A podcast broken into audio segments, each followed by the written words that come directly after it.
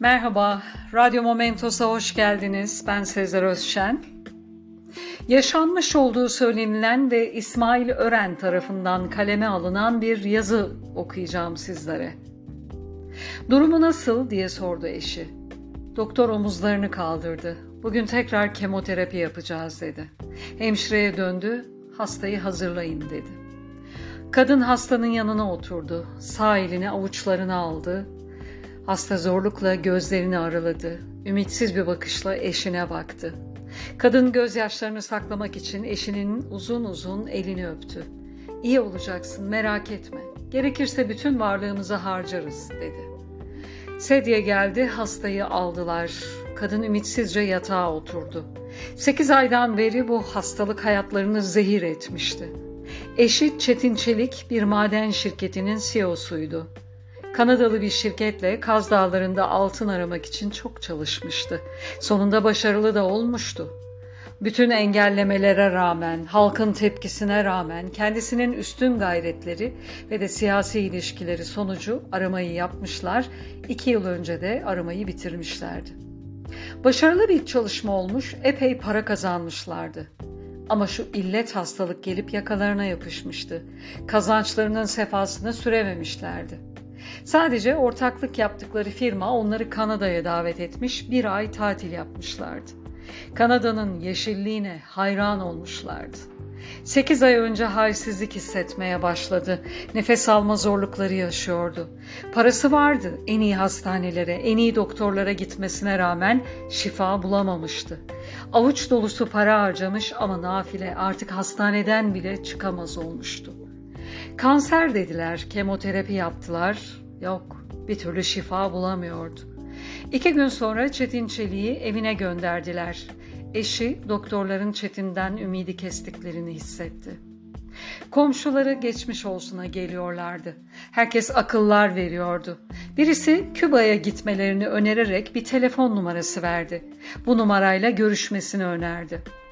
Numara Küba'ya ait bir telefondu. Aradılar, telefondaki kişi tahlillerini istedi. Gönderdiler. 14 gün sonra cevap geldi. Telefondaki kişi sadece Kaz Dağları'nda yetişen 5 bitkinin tarif edeceği şekilde ambalajlanarak getirildikleri takdirde kesin tedavi edeceklerini söylüyordu. Bitkilerin yöre isimleriyle Latince isimlerini yazdı, yazdılar. Bitkilerin yöre isimleri sarı kız çayı, yabani sarımsak, kazlığı köknarının taze kozalığı, geven otu ve taşkıran otuydu. Bu bitkilerin mutlaka Kaz Dağları'ndan toplanmasını söyleyip yanlışlık olmasın diye resimlerini de göndermişti karşı taraf. Hemen Kaz Dağları'na adamlar gönderdiler. Çetin Çelik Küba'dan gelen haberle çok ümitlenmiş, morali de düzelmişti. Sabırsızlıkla Kaz Dağları'na gönderdikleri adamlarını bekliyorlardı. Sekiz gün sonra adamlar geldi. Çetin Çelik, buldunuz mu? diye sabırsızlıkla sordu. Üçünü bulduklarını ama ikisinin maden arama yapılan yerde yetiştiğini, maden arama esnasında bu bitkilerin tamamen yok edilmiş olduğunu söylediler. Artık taş kıran otu ile geven otunu bulmak imkansız. Çünkü bunlar çok yıllık yani uzun yıllarda yetişen bitkilermiş dediler. Çetin Çelik adeta yıkıldı. Altın ararken halkın tepkisi gözlerinin önüne geldi. Pankartları görür gibi oldu. Kaz Dağları hayattır diye yazıyordu. Ölüm istemiyoruz diyen pankartlar vardı. Vardı da vardı. Ama hiç dinlememişlerdi. İşte kendisinin hayatı bitiyordu, ölüm geliyorum diyordu. Çıkardıkları tonlarca altının hayat karşısında birer tutam geven otu ile taş kıran otu kadar değeri yoktu. Endemik bitki cenneti olan ülkemizde hala doğa katliamı devam ederken bir umut birileri duyar mı acaba diye seslendiriyorum işte sevgili dostum Lale Kahraman tarafından gönderilen bu yazıyı.